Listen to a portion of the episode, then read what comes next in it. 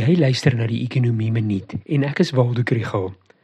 Daar was verlede week 'n interessante aanwyser en interessante ontleding in die nuus.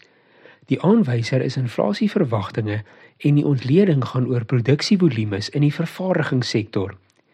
Hierdie episode word ondersteun deur die Buro vir Ekonomiese Onderzoek in Stellenbosch en die NWI Sakeskool.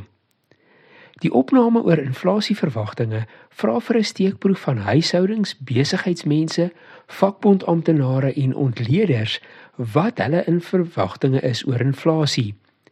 Hoewel verbruikersprysinflasie in April en Mei afgeneem het, het die gemiddelde inflasiekoers wat oor die volgende paar jaar verwag word, toegeneem vanaf 5,2 tot 5,5%. Dit is veral huishoudings wat hoë inflasie verwag maar die ander deelnemers aan die opname se verwagtinge vir 2023, 24 en 2025 is hoër as in die eerste kwartaal.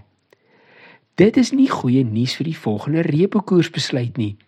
As mense hoë vlakke van inflasie verwag, pas ondernemings hulle pryse so aan en werkers hulle salarisverwagtinge. Die interessante ontleding van produksievolumes is deur Isaac Mslanga van RMB. Hy vind dat die volume van produksie redelik bestand gebly het teen beerdkrag. Produksievolumes in totaal is nog laer as in 2019, maar daar is subsektore waar dit lyk of beerdkrag minder van 'n impak het. Hy skryf dit toe aan aanpassings in produksieprosesse en maatskappye se belegging in eie opwekkingsvermoë.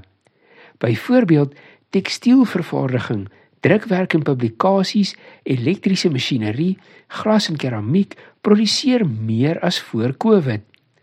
Voedsel en drank, plastiek, basiese chemikalieë, voertuie parte en onderdele het herstel.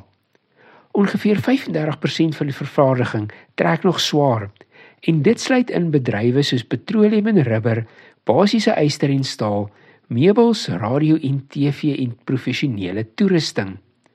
Dis daarom goed om te weet dat 'n groot deel van die vervaardiging redelik veerkragtig is.